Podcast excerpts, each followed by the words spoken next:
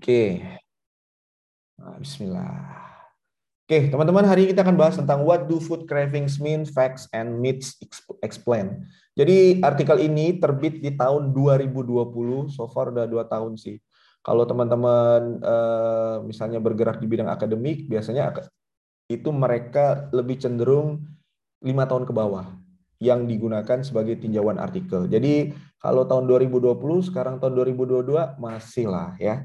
Jadi uh, food craving are very common. Jadi di sini artikelnya bilang bahwa sebenarnya ketika teman-teman pengen makan makanan sesuatu itu sebenarnya hal yang biasa dan hampir semua orang itu mengalaminya. They are difficult to ignore. Jadi sangat sulit memang butuh effort untuk melepaskan keinginan untuk makan sesuatu, ya. Dan ini tergantung dari intense or urgent desire for a specific type of food. Tiap orang punya tipe craving masing-masing. Ada yang pengen tiba-tiba pengen makan makanan yang asin, ada yang tiba-tiba pengen makanan yang oh yang pedas biasanya atau pengen tiba-tiba pengen makan yang manis. It's okay karena itu adalah sesuatu yang biasa dan normal, teman-teman. Top the food desire will vary from person to person ya. Tiap orang beda-beda, teman-teman Kadang saya pengen makanan manis, tiba-tiba misalnya istri saya pengen makanan yang asin dan memang begitulah adanya ya. Dan food craving can be brought on a, by a variety of factor. Banyak faktor yang menyebabkan munculnya craving di dalam diri teman-teman. Eh, bisa aja itu faktor fisik, bisa juga faktor mental. Dan di beberapa kasus teman-teman, they may also be a sign of an underlying condition and should not be ignored.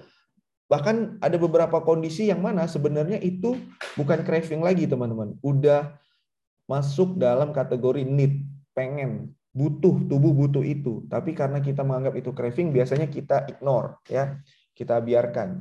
Nah, jadi hari ini kita akan bahas tentang artikel yang membahas sebenarnya food craving ini apa sih penyebabnya dan Apakah ada mitosnya? Apakah ada faktanya? Mari kita ulas. Wah, ini aja tiba-tiba udah Fred Price. Siapa sih yang bisa menolak ini nih? Oh my God, kentang goreng ya. kentang goreng ini sebenarnya teman-teman, Fred Price ini uh, teknik penggorengannya kan pakai deep fried, makanya dia kalorinya. Deep fried itu adalah teknik penggorengan yang menenggelamkan bahan makanannya sehingga jumlah kalorinya tuh sangat luar biasa berkali-kali lipat. Makanya eh, kalau teman-teman lihat frit, eh, apa kentang goreng ini itu dengan ukuran yang small atau ukuran yang 100 gram itu biasanya kalorinya udah hancur-hancuran itu bisa 300 400 kalori padahal dikit banget ya. Dan ini penyebab kemungkinan craving itu bisa terjadi teman-teman ya. Di sini dikatakan bahwa penyebabnya dari faktor fisik, leptin and ghrelin imbalance. Seperti yang teman-teman ketahui, yang namanya leptin dan ghrelin, hmm? Tunggu ini lagi jelasin ini. Ya, leptin dan ghrelin ini teman-teman adalah eh, dua hormon yang bekerja dalam eh, kondisi untuk sinyal lapar dan sinyal kenyang. Nah, jadi mana susunya? Susu, oh my god. Sebentar ya teman-teman. Bahwa yang namanya leptin dan grelin adalah dua hormon yang mengatur mekanisme lapar dan kenyang. Kalau lapar itu diatur oleh hormon grelin, kalau kenyang itu diatur oleh hormon leptin. Dan bad newsnya guys, hormon leptin itu diproduksi oleh jaringan adiposa atau jaringan lemak. That's why itulah sebabnya teman-teman kita yang berlebihan jaringan lemaknya dalam hal ini mengalami obesitas ataupun overweight itu sangat sulit untuk mendapatkan sinyal kenyang di tubuhnya. Kenapa? Karena hormon leptinnya banjir. Seperti yang tadi saya bilang di awal, hormon leptin itu diproduksi oleh jaringan lemak. Terlalu banyak jaringan lemak, otomatis tubuh akan dibanjiri hormon leptin. Semakin banyak hormon leptin dalam tubuh, otak akan sulit menerima sinyal kenyang dari tubuh kita. Itulah kalau teman-teman lihat, kok teman-teman kita yang gemuk atau obesitas ini sering makan banyak sih, padahal apakah nggak kenyang-kenyang ya? Bukan nggak kenyang-kenyang teman-teman. Sinyal kenyangnya itu memang sangat sulit untuk sampai ke otak. Jadi sebenarnya mungkin mereka sudah kenyang, Tapi karena sinyal leptinnya belum sampai ke otak, jadinya perasaan lapar tuh ada terus, muncul terus, ya. Dan memang itu pasti terjadi pada teman-teman kita yang overweight ataupun obesitas, ya. Jadi leptin dan ghrelin imbalance otomatis teman-teman akan craving, akan craving, akan pengen makan terus, makan terus, makan terus. Yang kedua adalah pregnancy. Nah, ini kan hamil biasanya apa? Kalau craving kalau ibu hamil ngidam ya. Perubahan hormon dalam pada saat kita sedang ha kita kita hamil.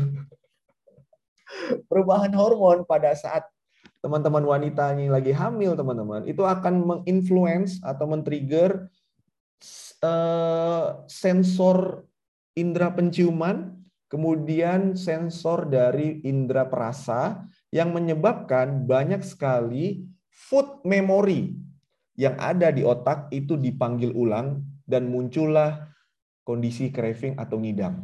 Ya, saya pernah baca salah satu artikel, aduh saya lupa namanya, judulnya.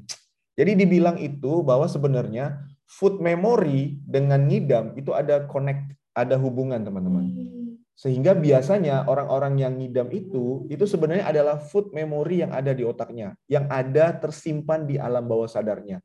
Mungkin waktu kecil dulu dia melihat eh, mangga tetangga, pengen tapi nggak dapet. Nah, pada saat hamil, food memorinya dipanggil. Jebret, keluarlah. Makanya ngidam, pengen deh, papa tolong dong ambilin mangga tetangga. nah, itu biasanya ada hubungan dengan food memory, teman-teman. ya. Atau pernah dia lihat waktu kecil di TV, ada orang makan eh, daging apa gitu, terus disimpan di memori otaknya, pada saat hamil dipanggil, di recall sama memorinya otomatis jadi pengen ngidam dan itu semuanya sebenarnya sudah ada tersimpan di memori alam bawah sadarnya. Nah, kalau dijelasin panjang lebar itu mah ya. Terus yang ketiga apa? PMS, premenstrual syndrome.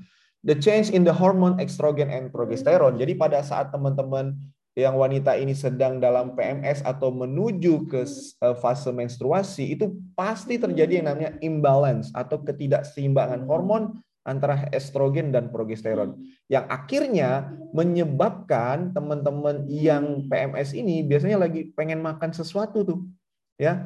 Dan biasanya itu makan makanan yang manis dan makan makanan yang asin ya. Terus yang keempat kurang tidur teman-teman. Terlalu sedikit atau terlalu rendah kualitas tidur teman-teman itu dapat mengganggu level hormon teman-teman yang akhirnya kalau seharian makan tuh biasanya ngaco ya. Coba deh teman-teman, kalau teman-teman cek teman-teman yang kurang tidur atau yang kualitas tidurnya sangat rendah, itu biasanya kalau seharian tuh makannya tuh pasti ngaco, makan ini, makan itu dan segala macam terus tiba-tiba pengen ini, tiba-tiba pengen itu. Dan itu sebab salah satu sebab kenapa ketika kita lagi diet, kita sangat-sangat perlu memperhatikan kualitas dan kuantitas tidur kita. Ya, kemudian yang ke berikutnya satu dua tiga empat lima. Yang kelima adalah a nutrient poor diet. Yang mana program diet yang dilakukan biasanya itu kekurangan protein, kekurangan serat, teman-teman. Jadi ketika teman-teman kurang protein, kurang serat, fix confirm. Teman-teman pasti craving. Teman-teman pasti kelaparan. Teman-teman pasti pengen makan terus. That's why teman-teman sangat perlu untuk memperhatikan asupan protein dan serat dalam pola makan harian teman-teman. Coba deh dicek. Dalam program biasanya itu protein dada ayam, ikan, telur, tempe, nabati hewani, apa pun jenis proteinnya, kemudian sayur-sayuran, buah-buahan, itu pasti sangat kita concern. Supaya apa? Supaya teman-teman tidak kelaparan dan supaya teman-teman tidak terlalu mudah muncul craving di program dietnya ya. Terus yang berikutnya yang paling sering apa coba? Kurang minum ya atau tubuh kekurangan cairan. Dengan terlalu sedikit minum atau terlalu sedikit memenuhi kebutuhan cairan dalam tubuh itu secara tidak langsung akan dalam tanda kutip quote on quote-nya adalah menyebabkan lapar palsu teman-teman. Yang mana biasanya itu sebenarnya adalah sinyal haus tapi kita tangkap sebagai sinyal lapar. Hmm. That's why itu ada sebabnya ada lapar palsu, ada lapar beneran, ada lapar sensori. Nah, jadi teman-teman harus bisa aware. Teman-teman harus bisa sadar sebenarnya teman-teman nih laparnya apa. Ya, kalau udah habis makan tiba-tiba lapar lagi, fix itu pasti kemungkinan kekurangan cairan atau bisa jadi karena lapar sensori. Ketika indera teman-teman melihat atau mencium atau mendengar suatu makanan, teman-teman langsung pengen makan. Nah, itu biasanya sering terjadi tuh ya. Apalagi misalnya di kantor dan di lingkungan keluarga atau misalnya kita lagi scroll-scroll di Instagram, kita lihat makanan, wah itu pasti muncul lapar sensori ya. Dan berikutnya apalagi your gut flora. Seperti yang teman-teman ketahui di dalam usus atau sistem pencernaan kita itu ada namanya prebiotik, sorry, probiotik atau prebiotik. Pokoknya bakteri baik teman-teman yang fungsinya untuk mencerna makanan yang masuk dan membantu sistem pencernaan untuk mengolah semua makanan yang masuk. Nah, dengan tidak atau kurangnya good flora atau eh, bakteri-bakteri baik di dalam sistem pencernaan kita, itu secara tidak langsung akan menyebabkan yang namanya craving, teman-teman. Ya, walaupun di sini dikatakan bahwa kita masih butuh penelitian lebih lanjut terkait fakta ini. Tapi intinya adalah Betul sekali sebenarnya kalau kita lihat kita adalah apa yang kita makan. Kenapa? Karena apa yang kita makan itu akan terekspresikan di luar tubuh kita, ya. Dan berikutnya apalagi physical activity. Di mana teman-teman? Ketika teman-teman meningkatkan level aktivitas fisik teman-teman, walaupun itu cuma sekedar jalan kaki, secara tidak langsung akan mengurangi keinginan untuk makan. Makanya saya selalu bilang bahwa kalau misalnya sering tiba-tiba muncul keinginan makan, padahal udah makan, cari kesibukan guys. Cari kesibukan. Cari kesibukan. Entah dia mau beres-beres kek, atau dia baca buku, jalan kaki, atau main sama anak, atau apa pun itu guys. Kalau teman-teman tiba-tiba muncul keinginan atas makan makanan sesuatu, padahal teman-teman sudah makan, atau teman-teman belum makan, tapi teman-teman sebenarnya belum waktunya makan karena belum lapar, fix. Teman-teman biasanya itu hmm. mager. Nggak ngapa-ngapain. Nah itu biasanya tiba-tiba muncul apalagi lagi mager lihat HP scroll scroll aduh ketemu makanan. Wah itu pasti keinginan untuk makan pasti muncul makanya cari kesibukan teman-teman atau gerak lebih banyak atau berolahraga ya dengan kita berolahraga, dengan kita gerak aktif, dengan kita banyak kegiatan, itu secara otomatis bisa mengalihkan fokus perhatian kita bukan hanya sekedar untuk muncul yang namanya craving. Oke. Dan berikutnya apalagi highly processed food. Jadi terlalu banyak mengkonsumsi makanan-makanan yang tinggi proses, makanan yang berproses itu misalnya dari uh, kentang diubah menjadi mashed potato, diubah lagi menjadi uh, puding, diubah lagi. Jadi terlalu banyak prosesnya, teman-teman. Secara tidak langsung, makanan yang banyak melalui proses itu pastilah pasti fix teman-teman. Terlalu banyak ditambah lemak, terlalu banyak ditambah gula, yang dalam hal ini dapat menyebabkan dalam tanda kutip ketergantungan teman-teman ya. Kenapa? Karena level satiety kepuasan di lidah sudah terlalu banyak dibanjiri oleh gula dan lemak ya. Makanya kalau makanan-makanan berproses itu kan gurih manis ya. Karena lidah kita udah terlalu banyak dibanjiri makanya sangat sulit untuk melepaskan makanan-makanan yang manis ataupun makanan-makanan yang gurih dengan banyak lemak, teman. Ya. Terus yang berikutnya adalah adalah frekuensi at which you eat the crab food. Eating a crab food less frequently may be more effective at reducing your craving for that particular food than eating a small portion of that food whenever you crave it. Ini maksudnya adalah ketika teman-teman craving sesuatu tapi teman-teman sulit atau tidak bisa ignore atau tidak bisa menghindari makanan-makanan itu, jadi no problem, makan aja, tetapi dalam porsi yang sedikit, small portion, teman-teman. Ya, it's okay. Kalau misalnya teman-teman pengen makan burger, makannya setengah aja atau seperempat aja, it's okay. Ya. Atau misalnya teman-teman uh, lagi craving makan makanan yang asin. Teman-teman makannya sedikit aja porsinya. It's okay. Ya. Setelah itu back on track. Kenapa? Karena craving food sebenarnya adalah hanya pengen merasakan satiety level di lidah kita aja, reseptor.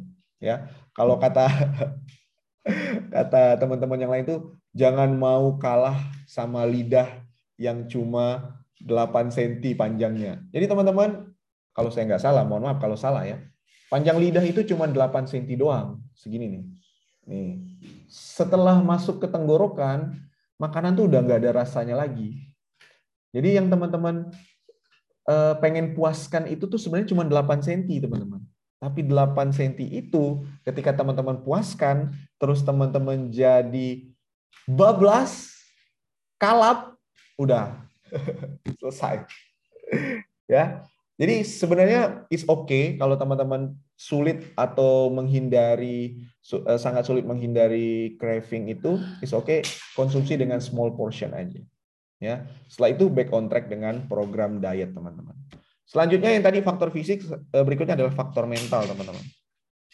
Faktor mental yang paling sering adalah stres.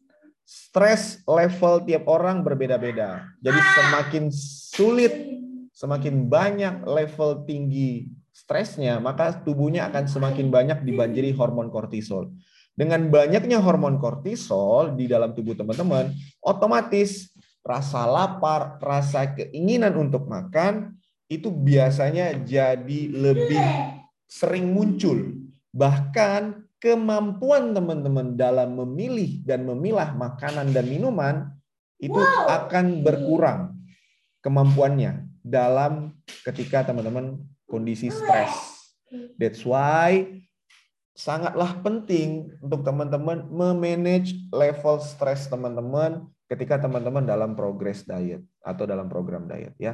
Terus yang kedua apa? Your personality. Hah? Personality tiap orang ternyata mempengaruhi craving. Jadi beberapa evidence, beberapa bukti ilmiah teman-teman menyatakan bahwa that people who are more impulsive ya, ada personality yang impulsif yang meledak-ledak or have higher scores on measure or of addictive personality may also have a higher likelihood of experience food craving. Jadi orang-orang yang punya personality kepribadian meledak-ledak, impulsif ya, itu biasanya lebih cenderung muncul cravingnya. Oke.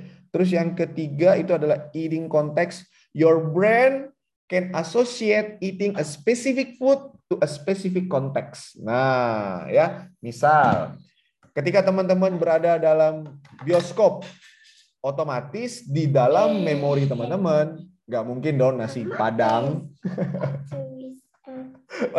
Masa nonton bioskop, aduh pengen nasi padang nih. Enggak. Ketika teman-teman ke bioskop, konteksnya adalah popcorn, cola, soda, ya, sosis. Yes, betul. Nah, jadi uh, tubuh otak kita akan mengolah informasi sesuai dengan konteks ketika kita berada. Kalau di kantor biasanya apa? Gorengan, ya, terus uh, makan makanan yang lain. Jadi ketika teman-teman sudah terbiasa memanage uh, behavior atau lifestyle atau gaya hidup teman-teman, maka secara otomatis teman-teman akan semakin banyak menyimpan food memory dalam tubuh teman-teman yang bisa aja di recall ketika teman-teman berada di kondisi dan situasi yang sama. Ambil contoh misalnya, Waktu pertama kali saya ikut uh, seminar internasional teman-teman di salah satu hotel, itu pembicaranya banyak bule-bule sekali uh, apa namanya? Coffee break. Ya Allah guys, coffee break bule guys. Salad, benar-benar kopi, benar-benar teh. Coba deh kalau coffee break orang Indonesia. Kue, risoles, wah semua keluar. Ya, jadi saya kaget, hah? Ternyata coffee break-nya kok kayak gini. Saya makan salad, makan buah-buahan. Jadi beda konteks uh, coffee break yang ada sering saya uh, lakukan dengan yang waktu itu saya pertama kali datang. Jadi itu tadi ya konteksnya. Terus yang berikut adalah your mood teman-teman. Certain moods may trigger craving for a specific food. For example, Sebagai contoh teman-teman, negative moods appear to often spot craving for comfort food. Nah, jadi ketika teman-teman berada dalam kondisi moods yang negatif, biasanya teman-teman akan craving makanan-makanan yang membuat teman-teman nyaman, bukan kenyang. Membuat teman-teman nyaman. Biasanya apa? Yang manis-manis, yang pengen yang asin-asin. Nah, nggak mungkin teman-teman lagi negatif terus teman-teman makan ayam geprek level 30 tuh jarang sekali cravingnya kayak gitu. Biasanya teman-teman jadi craving es krim atau craving eh, makanan-makanan yang instan. Itu biasanya kalau kita dalam kondisi negatif mood. Dan intinya adalah teman-teman sekali lagi ya ini konklusinya ya konklusinya adalah food craving it's normal food craving, keinginan makan sesuatu yang datang tiba-tiba, itu adalah sesuatu yang normal. Nah, karena dia adalah sesuatu yang normal, maka semua kontrol itu berada di diri kita. Jadi, tadi saya sudah kasih tahu penyebab-penyebabnya apa, teman-teman bisa memanifestasi bagaimana solusi yang teman-teman bisa lakukan, terus apa aja yang teman-teman bisa uh, apa namanya usahakan untuk ya minimal menghindari atau mengurangi craving yang akan muncul dalam uh, keseharian teman-teman ya walaupun dia munculnya normal tapi kita bisa kontrol nah maka dari itu teman-teman sangat penting kalau saya pribadi uh, craving itu tips dari saya adalah pertama selalu penuhi kebutuhan protein dan serat harian dalam tubuh teman-teman. Jangan pelit sama sayur guys. Aduh ya. Jangan pelit sama sayur, jangan pelit sama buah-buahan, makan makanan pokoknya harus ada sayur, kalau bisa ada buah-buahan. Buah-buahan yang tinggi serat, buah-buahan yang uh, mudah di mudah didapatkan kayak pisang sama pepaya itu kalau saya itu wajib teman-teman. Kalau saya pepaya, saya prefer pepaya. Pepaya itu wajib ada di kulkas atau ada di dapur ya karena kalau misalnya tiba-tiba pengen ngemil makan tinggal potong pepaya tinggi serat terus rasanya juga enak friendly lah pokoknya ya dan harganya murah terus protein teman-teman ya kalau teman-teman pengen dapetin hasil maksimal dalam program diet teman-teman sangat penting untuk memenuhi kebutuhan protein harian apalagi kalau teman-teman sudah mulai membiasakan diri untuk olahraga yang intens. Kalau olahraga yang intens biasanya itu 1,5 gram per kilogram berat badan kebutuhan proteinnya. Kalau teman-teman masih gaya hidup yang sedentary, yang nggak ngapa-ngapain, mager dan segala macam, itu cukup 0,75 gram per kilogram berat badan teman-teman. Kalau teman-teman udah mulai angkat beban, itu 2 gram per kilogram berat badan teman-teman. Jadi misalnya kalau berat badan saya 70 kg, maka saya butuh 140 gram protein harian, teman-teman, asupan. Nah, jadi kalau enggak 140 gram, maka secara otomatis otot yang dibentuk pada saat angkat beban itu tidak maksimal. Makanya kalau ada orang yang sering tanya, saya udah angkat beban, saya udah nge-gym, tapi kok hasilnya nggak terlalu signifikan dibanding orang-orang yang nge-gymnya baru sebentar. Coba deh dicek asupan protein, pola tidur, Eh, nutrisi, suplemen yang teman-teman konsumsi yang bisa mengoptimalkan hasil program teman-teman. Oke, saya rasa itu aja teman-teman eh, tentang hari ini.